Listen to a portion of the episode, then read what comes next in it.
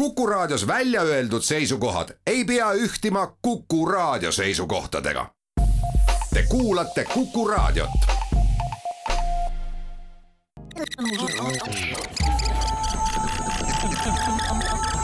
digi, digi, digi, digitund, digitund.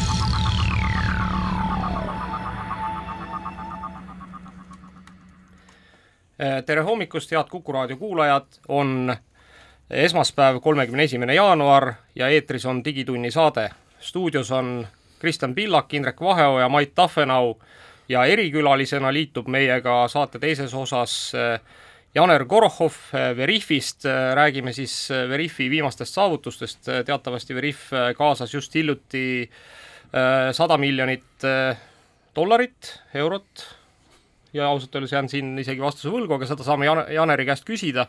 mis siis tegi Veriffist järgmise Eesti unicorn'i. aga saate alguses räägime selle nädala tehnoloogia uudistest. ja lähme siis kohe kiirelt käima. Veebru-, jaanuari viimane nädal tavaliselt on see, kus suured tehnoloogiaettevõtted teatavad siis oma neljanda kvartali tulemustest, et vaatame korra sinna peale Apple'i tulemused suurepärased, sada nelikümmend, sada kakskümmend neli miljardit dollarit käivet ja kolmkümmend neli miljardit dollarit kasumit. mida kõike on siis umbes noh, kakskümmend protsenti rohkem kui eelmisel aastal ja, ja, ja noh, ütleme, et olles Apple'i aktsionär ilmselt muretsema ei pea võib-olla mõned huvitavad numbrid sellest Apple'i aas-, kvartali aruandest. täna hetkel on Apple'il maailmas üks koma kaheksa miljardit aktiivset seadet. mis näitab seda, et, et tegelikult noh, okei okay,, mõnel inimesel võib olla üks, kaks, kolm või ka neli Apple'i seadet, aga, aga Apple'i hegemoonia ikkagi meie nagu äh, siis elu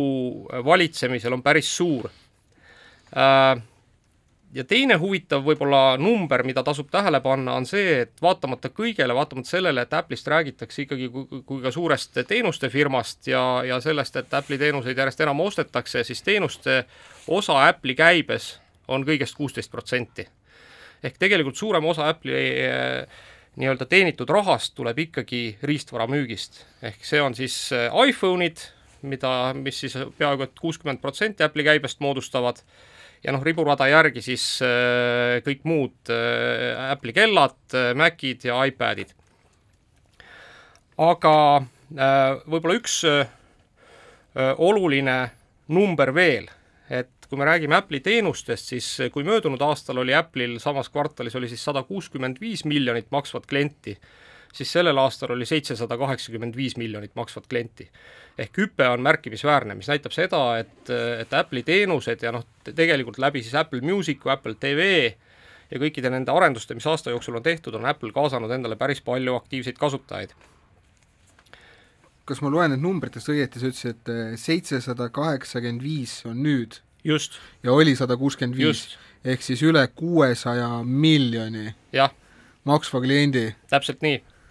okay.. see on ikkagi päris kõva hüpe, eks. see, see, see on, see põhjendab, kus, kus see tulu tegelikult ikkagi ge genereeritakse, et äh, kuigi seadmete pealt tuleb suurem osa, me loeme siit majandusaasta sellest aruandest, aga samas äh, tegelikult äh, see teenused ei tooda nii palju, aga see on nagu meeletu kasv. aga see näitab ikkagi väga selgelt, et meie majandusmudel igasugustes e-teenustes on muutunud nagu väga selgelt subscription based, et vanasti sa ostsid tarkvara välja, see oli sinu oma ja täna põhimõtteliselt vist enam, enam ei saagi enamusi tarkvarasid välja osta, sa peadki rentima ja ja nii kaua, kui renti maksad, nii kaua sa seda kasutada saad. Kuule, aga naljakas muidugi on siin, et võtame kohe, hüppame kohe Microsofti juurde ka, eks, kes äh, ütles ka siis oma eelmise kvartali numbrid. Ja Microsofti käive, noh, teatavasti on ju tegemist äh, ikkagi maailma suurima tarkvaratootjaga äh,, ettevõttega, kes selle siis maailma number üks kõige väärtuslikuma ettevõtte tiitli osas konkureerib selgelt Apple'iga et mõlemad on seal kuskil kahe ja kolme miljardi vahel, Apple on kolmele miljardile lähemal kui Microsoft, aga mitte ei ole Microsoft neist väga kaugel. Microsofti käive kõigest viiskümmend kaks miljardit. näete, riistvara osa on puudu ja käive on oluliselt väiksem. aga mis Microsofti käibe juures võib-olla on märkimisväärne et, et kümme protsenti Microsofti käibest tegid mängud no vot, see on vist see põhjus, miks nad investeerisid sellesse mänguvaldkonda, eks ju, et noh, tegelikult vist see äri ei olegi enam niivõrd riistvaras vaid see äri liigub järjest rohkem teenustesse, et Apple'is see teenuste osakaal on nagu aegade jooksul kogu aeg tõusnud jaa, aga mulle tundub üldse, et äh, kogu see teenuste osakaalu tõus ja, ja mängud samamoodi, et see tähendab seda, et inimesed ju meelelahutust äh, on pidanud viimased kaks aastat otsima kodust. et sa ei lähe ikkagi igal nädalavahetusel välja nagu tavaliselt, et sööma, peole, muusikat kuulama ja nii edasi, sa teed seda kõike kodust. ja seetõttu on ka rohkem sul aega äh, nagu uurida erinevaid teenuseid ja neid endale võtta, sest et muidu, kui sa oled selline ikkagi nädalavahetusel kogu aeg peole, no me, sul ei ole mingit pointi neid teenuseid endale võtta ju. võiks öelda, et Covid on teinud väikse väikse kickstardi kõikidele nagu teenustele, mis on meie siis äh, muidu olnud ebamugavalt kaugel, aga, aga nüüd on olnud sul väga suur motivatsioon endale need asjad selgeks teha ja õppida neid kasutama. täpselt nii, ja nagunii oled kodus kogu aeg, eks ole, et noh, siis kasutad ka neid teenuseid ja maksad ka selle eest. raha ju on, seepärast ega see ei kulu millegi peale kuulge, aga, aga lähme siit edasi, et rääkides veel suurte ettevõtete äh, siis äh, kvartaliraportitest, et äh, minu arust Elon Musk tembutas jälle äh, ehk eh, Tesla siis eh, kvartaliraport oli päris tore, eh, kuigi Cybertruck ja Semi ja kõik muud autod, mis seal, seal peaks välja tulema lähiajal, on kõik edasi lükatud vähemalt aasta võrra, siis Elon Musk teatas, et tegelikult need autod pole üldse tähti, tähtsad, et me teeme hoopis roboteid.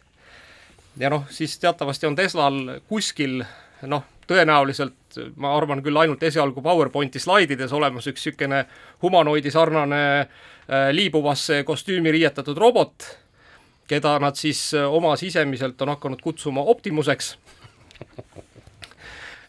Ja siis eh, noh, ütleme, et eh, Elon Musk päris mitmel korral oma siis selle raporti jooksul pöördus nagu selle juurde tagasi, et tühja neist autodest, aga, aga varsti hakkavad meil robotid tulema. Aga Tesla väärtusele ma vaatan praegu turuandmetest, see väga hästi ikkagi mõjunud ei ole, et et aktsia on endiselt kergelt languses olnud ja ja viimase poole aasta vist madalaim tulemus on neil seal hinnas muuseas, aga kui rääkides, rääkides veel Teslast, siis äh, üks hea uudis tegelikult või, või noh, ütleme, et ma arvan, et kõigile meile põnev uudis tuli ka möödunud nädalal, nimelt äh, siis äh, avastati, et Neuralink, see on siis teatavasti Elon Musk'i see firma, mis, mis tegeleb siis inimeste pähe arvuti ühendamisega, kui vist liht-, liht-, lihtviisil seda seletada, et et Neuralink siis, kes on siiamaani näidanud oma äh, nii-öelda testinstallatsioone sigade ja ahvide peal, otsib siis hetkel inimesi selleks, et alustada kliiniliste katsetega inimeste peal. Nii et on põhimõtteliselt äh, võimalus, et kui kellelgi endal väga suur huvi on, siis kandideerida Neuralinki katseisikuks? ei no no ütleme, et esialgu, esialgu vist katseisikuid ei otsita, otsiti isikuid, kes hakkavad katseisikutega tegelema. aa, niimoodi, no aga nüüd on viimane aeg siis ikkagi, no kui huvi on märku anda endast, et nagunii see protsess võtab veidi aega, seal vist ei ole veel kõiki niisuguseid ähm, a la Terviseameti lubasid selle jaoks olemas? jaa, ja võib-olla tõmbame selle suurte firmade äh, rubriigi siis sellega kokku, et äh, et siin Deal Logic äh, pani kokku eelmise aasta siis sellise äh, Äh, topi, et kui palju siis on ettevõtted äh, omandanud uusi äh, või noh, ütleme siis mingisuguseid startup'e või teisi ettevõtteid, siis nii Alphabet, Google'i emafirma kui Microsoft kui Amazon on olnud siis ikkagi tõelisel osturallil. Alphabet on ostnud kakskümmend kaks firmat, Microsoft viiskümmend kuus firmat ja Amazon kakskümmend üheksa firmat ja, ja ütleme, et, et, et siin kõik need äh, numbrid, mille eest siis neid firmasid on omandatud, on ka ikkagi viimaste kümnete aastate nagu tippnumbrid, et, et noh, kuigi nüüd tuleb tunnistada, et, et Microsoft juba esimeses kvartalis äh, oma Activisioni diiliga äh, ületas kõik oma eelmise aasta numbrid, nii et nii et saab olema päris põnev, et, et, et see nii-öelda teadmine kontsentreerub ikkagi nende kätte, kellel on raha. siia saaks panna kõrvale muidugi teistsuguse statistika ka, et kui palju nad ostavad ja kui palju suletakse erinevaid siis ostetud ettevõtteid või ka teenuseid, mida nad on avanud. ja mis on olnud tegelikult tänase maailma üks huvitav nagu kurb külg selle asja juures, et sa ei saa enam, kuna me ennem rääkisime, et sa ei saa osta endale välja seda litsentsi, sa ei saa seda enda arvutisse igavesti, ja nüüd ongi, et kui pannakse teenus ootamatult kinni, siis nii lihtsalt on, sa pead õppima ringi, et me tegelikult elame uues maailmas,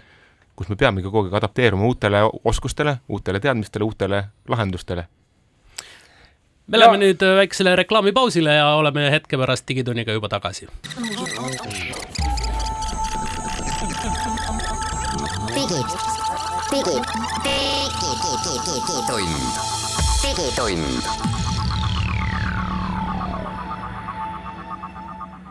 digitund jätkab, stuudios Andrus Raudsalu, Kristjan Pillak, Mait Tafenau ja Indrek Vaheoja ja meil on siin uudiste teemad käsil ja no nüüd äh, Spotify juurde ja Spotify'd on haaranud väga suur skandaal, nimelt on siis äh, tuntud muusik äh, Neil Young, kellega on siin liitunud veel Johnny Mitchell, teatanud seda, et nad eemaldavad kogu oma kataloogi Spotify'st seoses ühe teise suure Spotify staariga Joe Roganiga, kelle podcast siis on väidetavalt pakkunud inimestele väärinfot, mis puudutab Covid, Covid teemasid, alates seal, kuidas seda ravida, kuidas seda mitte ravida, kas see haigus üldse olemas on või mitte. ja on siis Neil Young Spotify'le teinud sellise või noh, ütleme, pannud ta fakti ette, et kas mina või Joe Rogan ja kes siis teab, Joe Rogan, üks maailma tuntumaid äh, siis ja mõjukamaid podcastereid, on teinud eelmisel aastal Spotify'ga eksklusiivlepingu, mille no hinnaks on sada miljonit dollarit ja selle peale Spotify teatas, et äh, Neil Young, head aega, et äh, meie ikkagi jääme Joe Rogani selja taha ja noh, sellest äh, tõusis äh, loomulikult tohutu, äh, tohutu selline pahameeletorm, hakkasid levima sellised teemaviited nagu cancel Spotify, buy Spotify, delete Spotify, nagu juba öeldud sai, siis päris mitmed muusikud liitusid selle teemaga, aga noh, võib mõelda, et no mis siis ära ei ole, et üks muusik võttis oma lood sealt ära, et neid saab igalt poolt mujalt kuulata, mis vastab ka tõele nüüd. kohe teatati siis, et Amazoniga sõlmis Neil Young uue lepingu, aga see see tegu on siis Spotify väärtusest, turuväärtusest kaotanud kolme päeva jooksul umbes kaks koma kaheksa miljardit dollarit. ja see ei ole nüüd küll asi, millele niisama Spotify otsa vaatab, et noh, et las ta minna, eks ole, ja sealjuures on siis Nasdaqi indeks tõusnud üks koma seitse protsenti ja Dow Jones umbes üks koma üks protsenti ka, et, et sealt nagu sellist üldine trend peaks olema tõusujoontes ja noh, muidugi, mis äh, tõi äh, palju äh, nalja kohe kaasa, oli see, et päris mitmed muusikud teatasid ka, et, et kui Spotify kohe Joe Roganit ei eemalda oma siis teenuste hulgast, siis meie paneme uut muusikat juurde Spotify'sse, nii ütlesid näiteks James Blunt ja, ja seal ja mitmed teised mehed veel, kes nalja hakkasid tegema, aga Joe Rogan nüüd on ise siis oma vastulause ka avaldanud koostöös Spotify'ga loomulikult ja seal ta ütleb seda, et noh, et tema ei anna hinnanguid, tal on väga kahju, et need asjad nii niimoodi on läinud ja tema vahendab ainult informatsiooni ja tihtipeale, kui ta siis istub, ükskõik, on see siis mingi, ma ei tea, MMA võitleja või äh, Covidi entusiast või kes iganes, lamemaalane, ümarmaalane, vahet pole, et ta ei tea tihtilugu äh, jutu al alguses seda, kuhu see kõik välja viib, et tema on ainult informatsiooni vahendaja, et ta ei ole nagu otseselt milleski süüdi nojah, ega see on selles mõttes päris huvitav, et noh, kujutate nüüd ette, et kui äh, Indrek Vaheoja teataks, et, et kui Keskpäevatundi Kuku raadio eetrist ei koristata, siis ühtegi Winny Puhhi lugu enam mängida ei tohi, on ju. jah, kõik need kaks korda, mida seda üldse mängitud on, et, et no Neil Youngi puhul on üldse, tema ju, ma ei tea, kas te teate, ta müüs eelmisel aastal ju poole oma õigustest ka ära äh, saja viiekümne miljoni dollari eest. et, et seal ei ole, noh, võib-olla nüüd ongi asi selles, et tal on raha taskus olemas ja nüüd võib laiata, et niisugust äh, niimoodi ideeliselt, no mida iganes välja öelda. siinkohal, siinkohal muuseas võib-olla oleks tore ka vaadata numbrite peale, et et kahjuks sellest äh, muusikaindustrist ei ole, ei ole teada rohkem numbreid kui eelmise aasta keskpaigast, aga tollel hetkel siis Spotify oli ikkagi äh, väga pikalt liider kõikide teiste muusika kuulamise teenuste ees nimelt kolmkümmend üks protsenti kõikidest siis muusika, kuulatud muusikast kuulati läbi Spotify, kus, kui me siis räägime striimitavast muusikast. teine oli Apple viieteistkümne protsendiga ja kolmandat ja neljandat kohta siis jagasid Amazon ja Tencent, nii et nii et noh, ütleme, et Spotify'l on ikkagi päris suur jõuõlg ka selles maailmas. ja no mis on muidugi huvitav, eks ole, et, et ega varasemalt me väga ei tea sellist asja, kus mõne eh, noh, niisuguse üksikinimese või muusiku väljaütlemine on firma turuväärtusest kohe ikkagi sellise suure ampsu ära võtnud, ega seda või noh, ma ei tea, parandage mind, kui teie teate. ega ei ole? ei, ei mäleta? no ette küll ei tule praegu jah, kohe okei okay,, kuulge, aga lähme edasi, et, et hüppame veel korra riistvaramaailma, et Mediatek näitas siis esimest Wi-Fi seitse lahendust, mis peaks jõudma turule eh, kaks tuhat kakskümmend kolm, kaks, kaks tuhat kakskümmend kolm. ja, ja mis on siis eh, noh, ütleme selle Wi-Fi seitsme juures ikkagi märkimisväärne, et kiirused, mida lubatakse on siis kolmkümmend gigabitti sekundis, noh, see on nagu kiirem kui ükskõik milline, ma ei tea, noh, täna traat, traadiga töötav võrk, eks on ju. noh, see on umbes sama kiire kui Thunderbolt, noh, vabandage nüüd need kuulajad, kellele asi läheb juba liiga tehniliseks, aga aga iseenesest tähendab see seda, et, et, et sellise kiirusega wifi'ga noh, põhimõtteliselt enam mingisuguseid raadiga võrke ei ole vaja. või kuidas see on, Mait? tead, mulle tundub, et siin on üldse nii palju nüüd küsimusi tuleb kohe sellega laua peale, et noh, esimene küsimus on selles, et millistes tingimustes see maksimaalne kiirus ikkagi välja tuleb, et kui sa täna ostad endale ka kõige kallima wifi ruuteri, mis võib maksta ikka erakordselt suure raha, peaaegu terve arvutiraha, et äh, millises situatsioonis sellised kiirused on võimalik üldse saavutada, kui lähedal sa pead sellel ruuteril istuma, ja teine küsimus, et millises situatsioonis on sul ka enam vaja, et kui me räägime nüüd nii suurest kiirusest nagu kolmkümmend gigabitti sekundis, kas üldse on olemas täna arvutid, millega on võimalik üldse nii palju andmeid sellest äh, masinast kätte saada, noh, okei okay,, teine küsimus on selles, et äh, selle väärtus võib olla selles, et me sajakesi mängime ja piisab ühest wifi ruuterist, kes suudab meid kõiki ära teenindada, aga seal tekib järgmine küsimus, et kui palju seda raadioriba tegelikult on, et kas see on nagu per klient või see on, toetab ikkagi seda, et me kõik saame siis mingi ampsu sellest, et noh, seal on palju niisuguseid asju. nojah, aga mul, mul on selline tunne, et ega nende wifi ruuterite juures ongi nii, et et eh, üks osa on siis see noh, teoreetiline selle ruuteri nagu nii-öelda läbilaskevõime, eks, aga teine osa on ikkagi see, et, et kui, kui vinge on see protsessor, mis on seal ruuteri sees ja mitut seadet ta korraga jaksab teenindada. et olgem ausad, et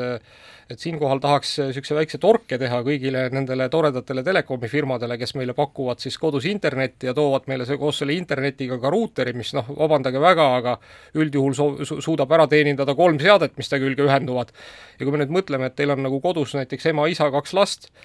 ja koer, eks, ja, ja kõigil on nutitelefon, siis noh, on juba see kolm seadet nagu enam kui täis, eks. lisaks me... nutitelefonidele on ka kas tahvlid, läpparid, televiisor, eks ole, et neid seadmeid tuleb veel ja veel ja veel. aga siin mängitakse üldiselt internetiteenuse pakkujate juurde juures enamasti sellele, et me ei tee neid kõiki samaaegselt, ehk siis sellel ajal, kui su laps möllab ja võib-olla sina möllad, teised parasjagu tegelevad millegi muuga ja siis on see kõik okei okay., et probleem algab siis, kui me kõik koos tahame neid suuri teenuseid tarbida, siis hakkavad probleemid. no ma olen oma kodustatistikat jälginud küll, palju seal seadmeid korraga on äh, veebis ja noh, neid on palju. aga nad on minimaalsel määral, eks ju? ei, Mait, Mait näiteks mina, ma võin ka öelda, et ma olen ikkagi vaadanud seda ka oma ruuteri statistikast, mul on ikkagi umbes kakskümmend seadet on nagu korraga taga, on ju, noh, mis nagu reaalselt tarbivad, eks, ja siis on nagu noh, mingid, mis parasjagu ei tarbi. ja arvestame, et tegelikult see ajas, see, see seadmete arv kogu aeg kasvab meil, vahet ei ole, kui suur see majapidamine on, on ju, kui palju seal on nagu liikmeid, aga see seadmete arv, mida kasutatakse, iga aastaga aina suureneb ja need, see läbilaskevõime, mida vajatakse tegelikult, aina kasvab meie jaoks, et et noh, kõik need pilveteenused, et seal on vaja seda kiirust, seal on vaja tegelikult noh, ega see wifi ruuter on ainult üks, üks etapp sellest tegelikult, see eh, fiksvõrk, mis sinna sisse ka tuleb sulle majja sisse, see võib saada meie tohutuks pudelikaelaks veel nõus, aga siin on ikkagi see küsimus, et millisest mahus internetti nad kõik vajavad. et kui sa oled oma külmkapi pehmelt öeldes pannud sellesse wifi võrku, ta ei vaja, tal on vaja mikrokogust sellest võrgust et seal ei ole see nii kriitiline, et selles mõttes nagu küsimus on selles, et kui kõik koos tahavad internetis korraga samaaegselt näiteks mängida, siis on väga tähtis just küsimus, tahavadki see..., ma ei tahavadki, tahavadki, see no, ongi see. aga ma ei usu ikkagi, et see on ainult mänguritele mõeldes tehtud äh, selline arendus. kui me vaatame nagu seda, et kuhu poole maailm sõuab, on ju, noh, minu arust eelmine nädal tõi ka meile uudise, et LG uut, siis alates kaks tuhat kakskümmend üks aasta telekatest on võimalik siis Nvidia mängustriimimist kasutada nagu LG telekates, mis tähendab seda, et tegelikult sinu telekast saab nagu noh, põhimõtteliselt ka mängukonsool, on ju noh, ja kujutad nüüd ette, et, et, et sulle lisandub veel üks niisugune nagu kõvasti nagu ikkagi interneti või noh, ütleme, et võrgu äh, mahtu tarbiv seade, eks, majapidamisse. et, et, et no ma arvan, et, et see on noh, on ikkagi oluline, et, et kusjuures see on üks oluline lisapunkt, mis sa siin sisse tõid, et küsimus ei ole alati nagu selles äh, kiiruses, mida sulle pakutakse, vaid kui me räägime mängudest, siis küsimus on hoopis selles latency's, ehk siis kui palju läheb ühel paketil aega selleks, et jõuda kuskile keskserverisse, kus siis see informatsioon peab teistele jagunema. ja see on see koht, mis tegelikult saab võib-olla määravaks, miks on sul vaja kiiret internetti, et sul ei ole vaja selle jaoks kiiresti välja vahetada. ma toon, ma toon siin muidugi ühe asja veel, mis, miks on, miks on nagu need uued wifi põlvkonnad paremad, on ju. on nagu see, et, et noh, juhul kui sul on nagu niisugune väikene kolmekümne ruutmeetrine korter, poissmehe korter, siis ei ole midagi, eks siis on see wifi seade võib-olla ühes nurgas, pole häda midagi, aga kui sul juhtub olema näiteks nagu noh, ma ei tea, saja ruutmeetrine korter, on ju,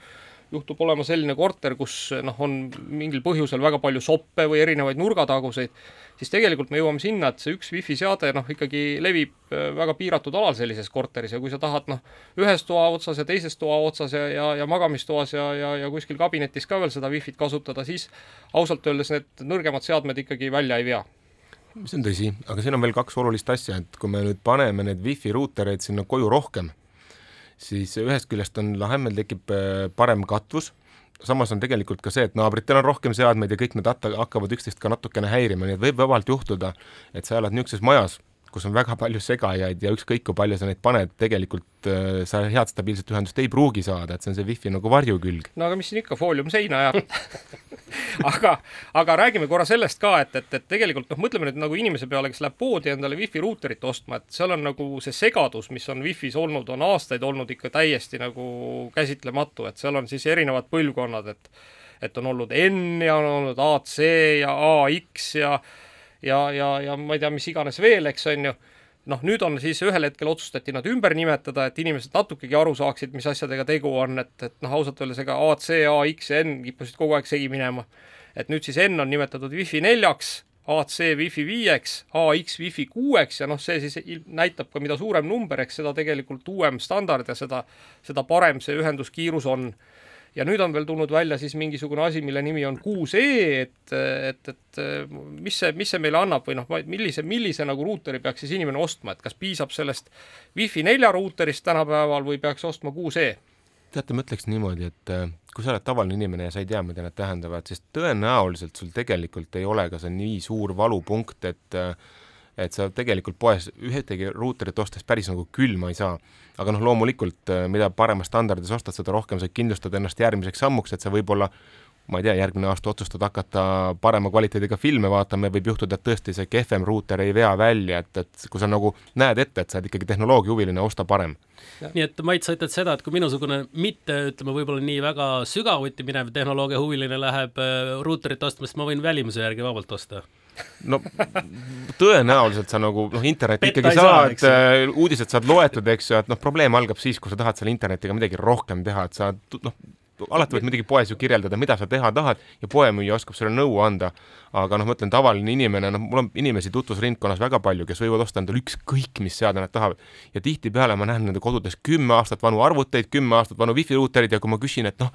millal me vahetame välja, ta ütleb, et aga milleks? jaa, uudiseid saan lugeda, mul polegi midagi vaja ja tõesti, noh, milleks? ei no selles mõttes, kui king ei pigista, siis muidugi, aga noh, ma ütlen nüüd seda, noh, julgen küll soovitada, et et, et juhul, kui teil on ikka kodus nagu mitu mängijat ja striimijat ja nii edasi, et siis siis noh, mulle tundub, et raudkull on see, et te peaksite vaatama ruuterit, mille hind algab seal umbes kahesajast eurost, on ju, et, et noh, siis tõenäoliselt te väga petta ei saa ja olete enam-vähem seal äh, noh, nii-öelda selle innovatsioonikõvera selles punktis, kus, kus noh, võib-olla ei osta kõige uuemat ja kõige vingemat seadet, aga, aga mis enam-vähem ikkagi kõik asjad ära teeb. et kui kodus lapsed mängivad, siis ärge piinake, ostke, ostke parem kuulge, aga kiirelt veel äh, mõned äh, toredad siia lõppu, siuksed NFT uudised, et et ei saa me üle ikkagi sellest äh, krüptomaailmast ka, et et lihtsalt kiirkorras, äh, eelmine kord rääkisime sellest, et äh, erinevad teenused siis äh, hakkavad lubama NFT-d profiilipildina ja nüüd üllatus-üllatus, aga kujutage ette, üks teenus, kellest seda küll ei oleks osanud oodata, on ka Reddit, kes siis nüüd hakkab lubama siis NFT-d profiilipildina äh,. siis teine tore uudis on see, et John Lennoni poeg Julian Lennon on siis hakanud isa nii-öelda mälestusesemeid müüma siis samamoodi NFT-dena, mis tähendab seda, et, et, et maha ei müüda mitte siis äh, ese ise, on ju, äh, vaid, vaid siis müüakse, müüakse sellest esemest noh, tehtud pilt ja sinna juurde ka siis Julian Lennoni mälestused, kuidas see ese tema kätte sattus ja, ja, ja nii edasi, et et iseenesest ma arvan, et täitsa tore selline äh, initsiatiiv, et muuseumid võiksid ka hakata oma museaale müüma niimoodi NFT-dena, eks muuseumite äh, toetajatele kusjuures see on huvitav koht, kuidas jällegi nagu tajuda, kui suureks seda maailma nagu täna järjest rohkem kasvatatakse, et et kui me teame, et Apple on niisugune unistuste tööandja olnud paljudes äh, tehnoloogiainimeste südametes, siis täna on väga pikalt räägitud kuulujutte Apple Carist ja nüüd levivad kuuldused, et Apple Car on ditšitud ja töötajad, miks nad sealt ära lähevad, on just, et minna metaversiga tegelema kuskile teise paremasse ja põnevasse kohta.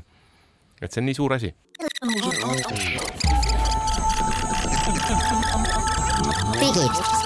digitund, digitund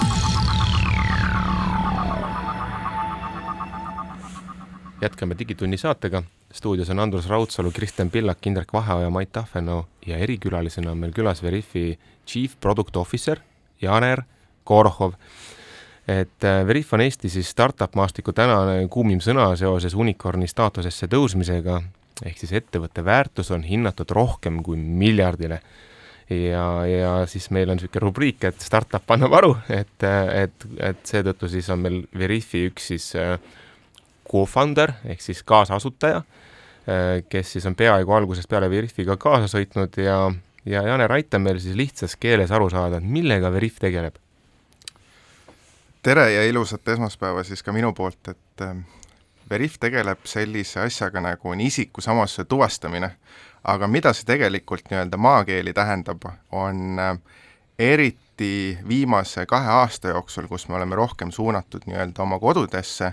kuidas sa saad veenduda, et see inimene, kes on teisel pool ekraani, on päriselt Janer või on päriselt Mait? Ja selle jaoks me olemegi arendanud äh, tehnoloogia, mis kasutab äh, veebikaamerat, see võib olla siis äh, laptopil, telefonil, ja me palume inimesel teha pilti oma isiku nii-öelda dokumendist ja teha endast portreepilt ja selle põhjal. Me tegelikult veendumegi, et inimene on see, kes ta väidab, et on. siit tuleb kohe juurde niisugune täpsustus, et kui me vanasti pidime minema isiku tuvastamiseks, eks ju, füüsiliselt pangakontorisse kohale, eks, siis äh, täna Veriff aitab selle ära lahendada. teisest küljest meil Eestis on olemas ID-kaart, eks ju, kus me saame tuvastada, aga miks on seda veebikaamera tuvastust juurde vaja, et ma võin ID-kaardi panna masinasse, kust see veebikaamera siia mängu tuleb? ma arvan, et see oli kuskil paar aastat tagasi, kui ma käisin ühel konverentsil kus toodigi tegelikult Eesti niisugust infrastruktuuri näiteks, et eh, see, mis eestlased on ehitanud, on, on väga-väga äge, aga see on natukene Narnia teistele, teistele riikidele. Ja seetõttu äh, Veriffi tehnoloogia suudab li, äh, lisada väärtust äh, ka nii-öelda Eesti infrastruktuurile, aga pigem, kui me vaatame ülejäänud maailma, kus ei ole ID-kaarti, kus ei ole mobiil-ID-d, kus ei ole Smart ID-d, siis see on see koht, miks meil ka üheksakümmend viis protsenti tegelikult äh, klientidest ja kogu mahust tuleb väljaspoolt Eestist, mitte Eestist, aga kindlasti on ka koostöökoht Eestis. Janer, aga ma kohe küsiks siit vahele, et et ütle, kas kui nüüd nagu meie raadiokuulaja siin Eestis eh, tahaks ka nii-öelda Veriffi teenust kasutada enda verifitseerimiseks, et kus Veriff täna Eestis kasutusel on?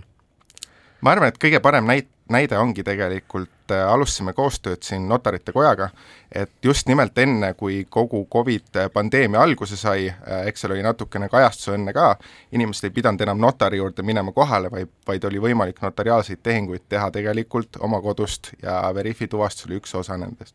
ma arvan, et teised näited, millega eestlased ehk rohkem on äh, võinud kokku puutuda, on äh, selle jaoks, et Bolti Drive'i kasutada, et auto endale rentida, on kindlasti vaja veenduda, et äh, sellel inimesel üldse oleks õigus selle kategooria autoga sõita ja see on jällegi üks koht, kus oleme koostööd teha. ja ma arvan, et kolmas näide, mis on ka kindlasti Eestist läbi käinud, on, on Wise, et selle jaoks, et et kanda raha ühest riigist teise, on lisaks regula-, aktiivsele äh, tuvastusele on ka Wise kasutab meid selle jaoks, et veenduda, et inimesed ei peseks raha ja ei teeks muid pättusi äh,. ja see on üks koht, kus jällegi Veriff on kasutuses. see Bolti näide tuletab mulle meelde niisuguse mõtte, et äh, ma saan aru, et tegelikult te pakute ID-kaardile ühe olulise lisaväärtuse. täna on see, et ma võtan oma vanaema ID-kaarti ja võin minna sõitma autoga, olles ise alaealine laps, eks ja teie aitate valideerida, et see inimene, kes siis ID-kaardi käes hoiab, on päriselt see inimene, kes peaks olema täpselt, et see ongi üks osa, mis, mis Veriffi nii-öelda tuvastusprotsessis me tegelikult veendume, et et see kogu tuvastus on tehtud reaalajas õige inimese poolt, see dokument on autentne, päris dokument ja see ongi see põhjus, miks, miks ka äh, osad Eesti äh, ettevõtted kasutavad Veriffi äh, teenust ka lisaks. aga ütle mulle seda, et kas siis, kui te vaatate seda juhiluba, et, et kas te sealt näiteks juhiloa pealt vaatate mitte siis ainult seda, et et kas see nägu, mis juhiloa pealt vastu vaatab, on see nägu, kes siis seal noh, ma ei tea, auto kõrval seisab ka, vaid suudate ka selle välja lugeda, et noh, et juhiluba võib olla ju näiteks hoopis mootorrattajuhiluba, on ju, et, et seal on ainult A-kategooria ja B-kategooriat ei olegi, et et kas te nagu selliseid detaile ka suudate analüüsida ja erinevate dokumentide juures mingisuguseid järeldusi teha? jah, täpselt, et äh, kindlasti üks oluline osa on see, et mis kategooriaga on tegemist äh, juhiloal, et me ei annaks A-kategooria juhiloaga inimesele B-kategooria nii-öelda sõiduvahendit, aga eks seal on ka erinevaid näiteid, et ma võib-olla tooksin siin äh,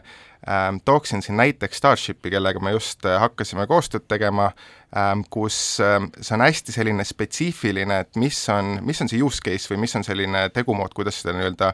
ähm, kasutatakse, et Starshipi näitel me kõigepealt tuvastame ära, kui inimene tellib endale e-poest, äh, tellib nii-öelda äh, siis vanusepiiranguga toodet ütleme näiteks õlut, siis kõigepealt veendume, et inimene on kaheksateistaastane äh,, Äh, ja seejärel me teeme uue kontrolli, kui see nii-öelda Starshipi robot jõuab inimese juurde, me veendume, et hei, et kas see on ikkagi veel sama inimene, kes selle ostu tegi. et siin ongi, et seda Veriffi tehnoloogiat on võimalik ka tegelikult äh, konfigureerida vastavalt äh, vajadusele ja see on see, kus me nii-öelda klientidega koos töötame, vaatame, mis täpne vajadus on. kuule, aga see on päris äge, et mul, mul, vabandust, et mul on kohe tekkis üks tooteidee, et vaata, siin on küll, on see, et, et need vanusega piiratud tooted, et et ühel hetkel võiksite ju välja töötada sellise mudeli, mis ikkagi pildi peale vaada- või noh, ütleme nii-öelda inimesele näkku vaadates kohe ütleb, kui vana ta on, on ju. või sellest, et kas sa võiksid veel alkoholi tarbida täna õhtul, et äkki limiit täis juba, et rohkem seda roboti juurde ei too. kui sa oma näo oled ära joonud piisavalt, jah mm. -hmm aga räägi natuke pettustest, et kindlasti üritatakse ka petta seda, et, et kui palju seda ette tuleb ja, ja kui palju siis, ma ei tea, kas te üldse suudate hinnata, palju õnneks läheb pettusi või vastupidi? eks see on ka see koht, kus me iga-aastaselt oleme, isegi iga, iga poole aasta tagant oleme sellist oma raportit välja jaganud, et et eelkõige jagada oma äh, klientidega, partneritega, et milline see nii-öelda petturite maailm tegelikult on, mis on need trendid, mis me seal näeme, ja kahjuks on see ikkagi niisuguses äh, tõusvas trendis olnud, näeme aina rohkem pettuseid. Ja natukene on see ka loogiline, et et võtame näiteks tehisintellekti, et need tööriistad, kuidas pettuseid teha, on aina kättesaadavamad äh, petturitele äh, ja seetõttu, kuidas meie seda tegelikult ise mõõdame, et kui palju maksab äh, ühe petturi jaoks äh, teha, teha pettust, mida kallim see hind tema jaoks on, ähm, siis seda vähem tõenäoline on, et ta seda teeb. Ja seetõttu, kuna need tööriistad, mida petturid saavad kasutada, on aina kättesaadavad, et kui ma lähen täna App Store'i, ma saan endal tõmmata alla väga lihtsalt tehnoloogia, kus ma saan panna endale mõne kuulsuse näo asemele, on ju et kõik need tehnoloogia arengud aitavad äh, tegelikult seda hinda alla tuua, kus Veriffi eesmärk on siis seda hinda jälle üles viia, et ei oleks nii lihtne pettuseid teha ja läbi saada. Ehk siis äh, deepfake on teie, teie jaoks nagu niisugune suur, suur ohu, ohufaktor, kuhu te peate aina rohkem panustama, sest see läheb nii kättesaadavaks, et noh, mina võin ka ennast siin äh, suhteliselt kergesti teha maiduks ja ja, ja proovida näiteks, ma ei tea, kusagilt laenu saada selle nimel varsti võib-olla aga kui palju inimjõud sekkuvad sellesse protsessi, et äh, valideerida mind seal teisel pool ekraani? eks tänaseks äh, äh, see on üks Veriffi nii-öelda põhialuseid, millele me kogu aeg oleme keskendunud, et kuidas me saame seda järjest automatisee-, automatiseeritumaks teha, et seetõttu iga tuvastus, mis me Veriffiga teeme, on tegelikult, aitab meil treenida neid mudeleid, et me saaksime automaatsemalt teha. tänase seisuga tegelikult üheksakümmend viis protsenti kõikidest nii-öelda äh, Äh, tšekkidest, mis me teeme, et inimesi tuvastada, on automatiseeritud. Äh, kui mõelda, et üheksakümmend viis on tegelikult väga lähedal äh, sajale, siis endiselt meil on palju inimesi, kes aitavad meil saada sellest üheksakümne viiest sajale lähemale ja eks seal põhilised nii-öelda sellised väljakutsekohad ongi, et kuidas me kuidas me petturitega ähm,, kuidas me petturite nii-öelda vastu võitlemiseks teeme igasuguseid tööriistu, et meie tehnoloogiajuht on alati öelnud, et sajaprotsendine oleks, jõuaksime me täna kas või, et vajutame ühte nuppu ja, ja tuvastame kõik automaatselt ära, aga oluline pool on, kuidas me ikkagi õiged inimesed äh, tuvastame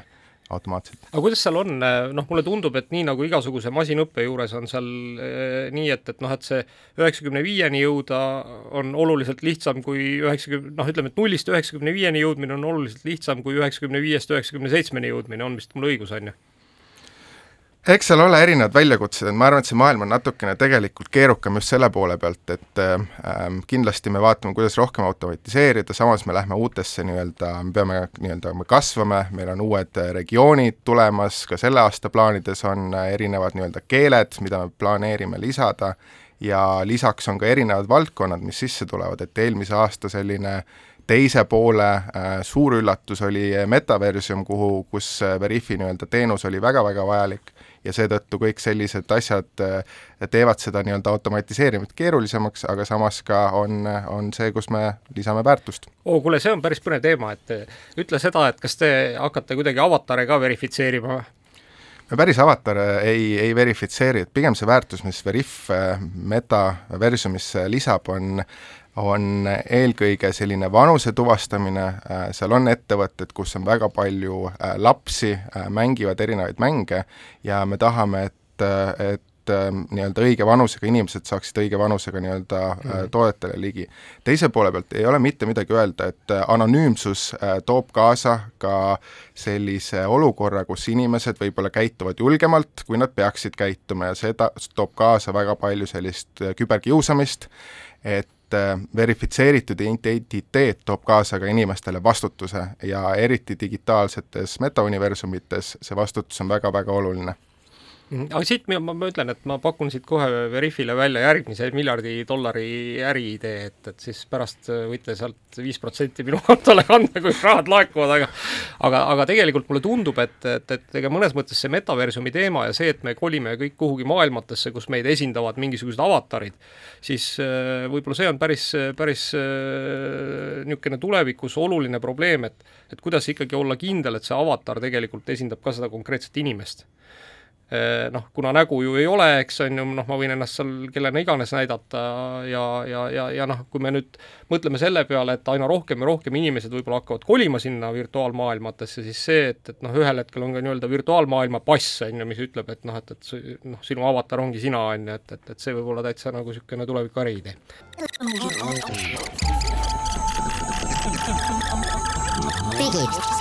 digid, digitund. jätkame Digitunni saatega. stuudios on Mait Ahvenoo, Indrek Vahe ja Kristjan Pillak, Andrus Raudsalu ja erikülalisena siis Veriffi Chief Product Officer Janer Korohov. ja nüüd äh, teises sektsioonis tahaks rääkida natukene startup'ide alusest üldse, et, et, et mis asi see startup on ja ja kuidas see kõik muu äh, startup'i valdkond üldsegi nagu töötab, et äh, et alustaks võib-olla päris algusest, et, et mida on vaja teha selle jaoks, et asutada unicorn? ma arvan, et ta hakkab pihta ikkagi sellisest äh, murekohast, et äh, Veriffi puhul kohe näiteks tuues ähm, see mure oli see, et oli liiga lihtne ähm, veenda ettevõtteid, et sa oled keegi, kes sa tegelikult ei ole või et sa oled äh,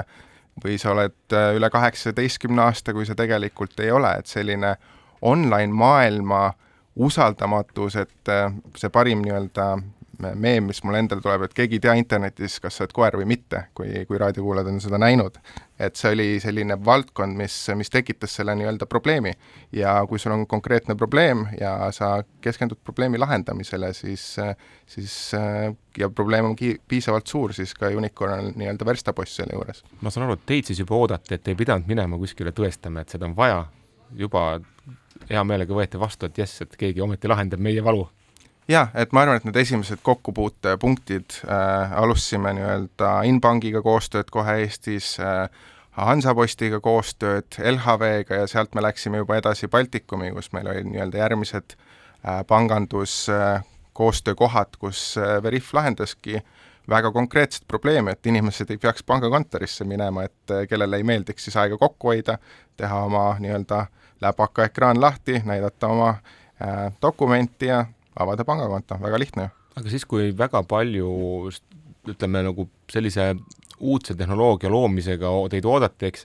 et äh, kui palju teil tekkis olukordi, kus te ise nagu avastasite, et, et vau-vau, et see probleem ei olegi nii lihtne, mida me lahendama tahame ja, ja kuidas me ikkagi välja tuleme sellega, et kuidas teil hakkama saamisega läks? Ma arvan, et eks, eks neid väiksemaid ja suuremaid probleeme on terve, terve selle aja jooksul olnud, et ma ei ole veel näinud äh, õnneks või kahjuks ühtegi probleemi, mis oleks lahendamatu, et, et pigem on, pigem on, kui on suur probleem, siis on vaja ta väiksemateks probleemideks lahti võtta, et et ma arvan, et see on ka üks asi, mis tervet meie meeskonda on nagu iseloomustanud, et et meil ei ole probleeme olnud, millest me nagu üle ei saa, et, et lihtsalt on vaja sinna rohkem energiat panna ja selline energia jäävuse seadus, et see, see, mis tuleb ka lõpuks teiselt poolt sellest nii-öelda probleemi lahendamist välja, peab olema, sa pead piisavalt energiat sinna sisse panema ja tegelikult on kõik võimalik. aga ma küsin niisuguse väga nagu teistpidi, et mitte teie tootepõhilise küsimuse, aga põhilise startup'ide probleemi, et kuidas kaasatakse raha, kuidas jõuda rahani? eks see, eks see hakkabki erinevatest staadiumitest, erinevate nii-öelda ähm, olukordadega pihta, et kõigepealt, äh, kõigepealt esimesed raha kaasamised, investorid vaatavad, et äh, kas kas sa, kas sa lahendad mingit probleemi, mis on oluline, kui suur see probleem on, et lõpuks investorite ootus on, et nemad panevad X eurot sisse ja saavad äh, kümme X eurot sealt nii-öelda tagasi. et seetõttu nad vaatavadki, et kas seal on, kas seal on probleem, kas see võiks selle kümme X-i tegelikult nii-öelda tagasi tuua eks äh, nüüd praeguses staadiumis, kus me Veriffiga oleme juba, äh, on, me oleme probleemi ära valideerinud, me lahendame õiget probleemi ja nüüd on pigem äh, teist tüüpi investorid, kellega me nii-öelda koos töötame, kes vaatavad, et Veriff on kasvanud neli X-i, kolm X-i, et ma panen oma raha sisse nüüd, kolme aasta pärast peaks sealt tulema nüüd uuesti kolm X-i ja kolm X-i, ehk siis kokku üheksa X-i, et, et selline rohkem kasvu fookusel, et kuidas panna kütust Äh, juurde ja seeläbi äh, saada nii-öelda äh, kasumit. aga teistpidi küsimus, et kas Veriffi siis ütleme nagu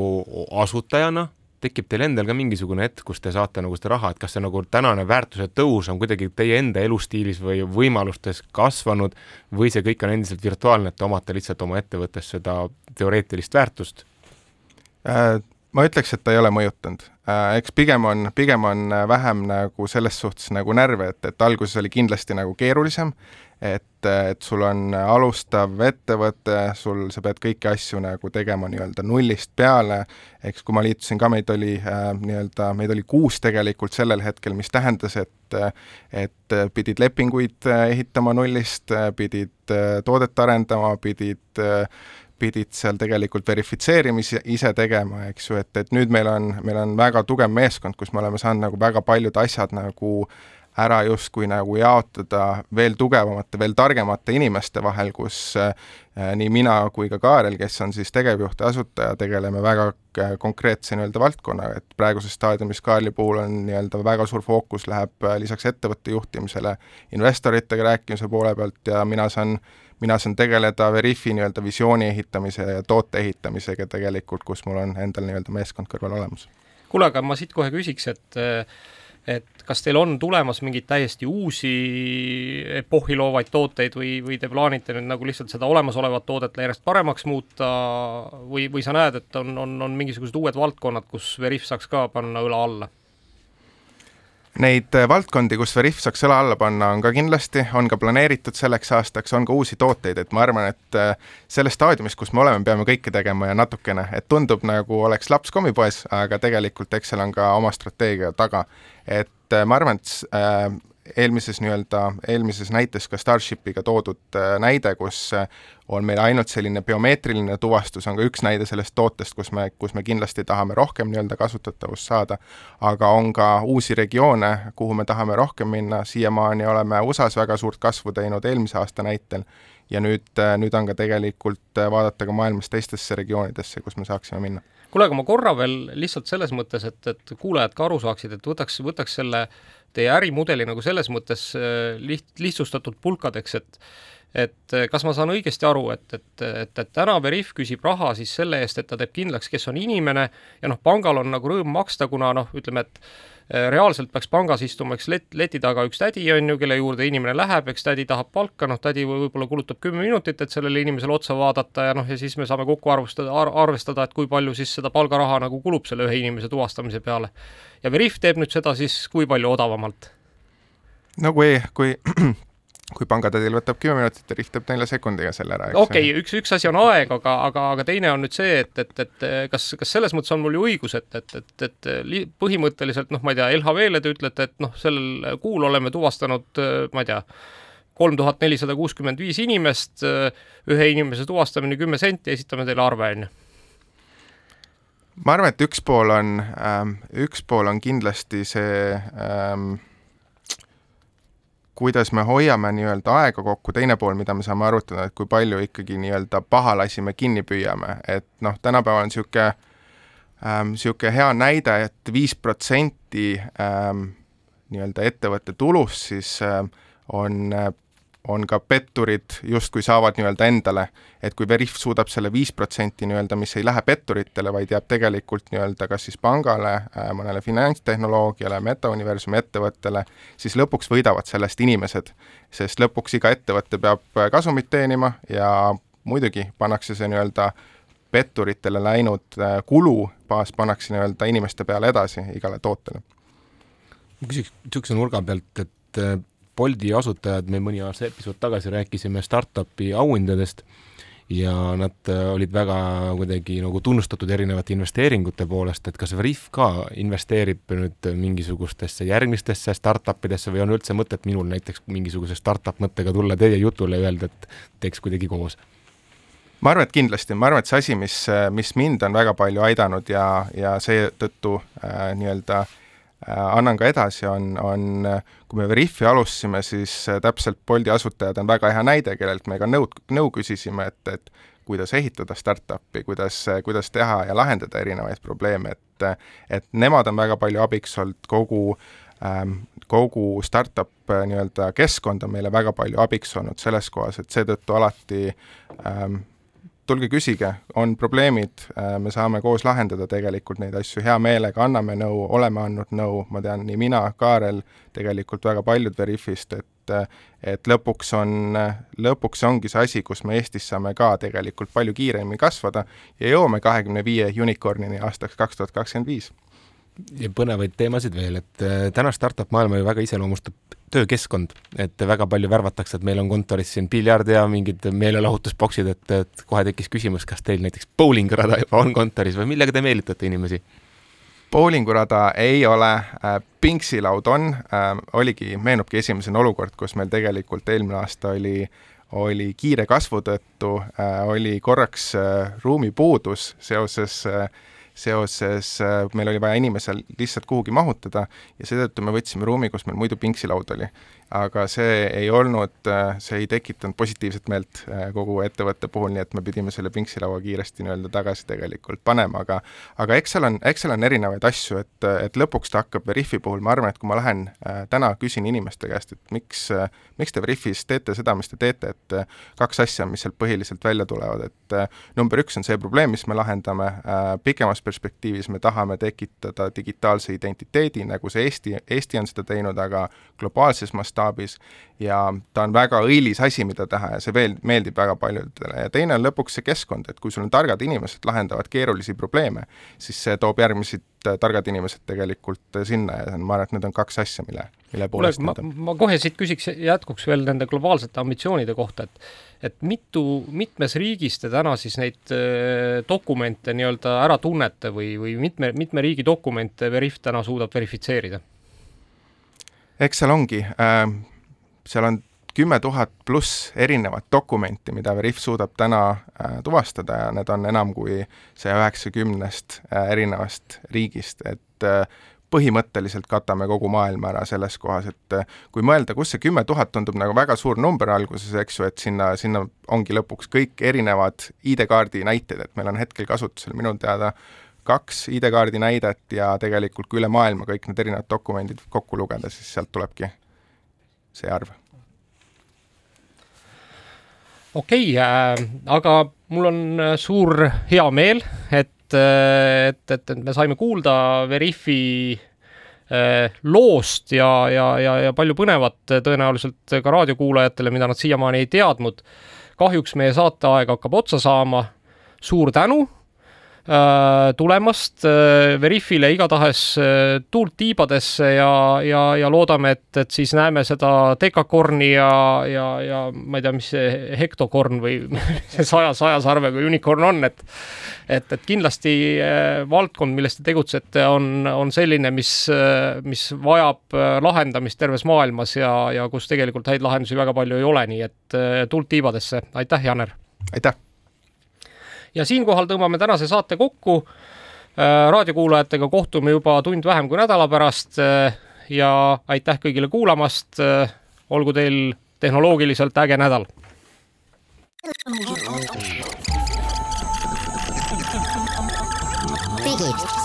digitund. digitund.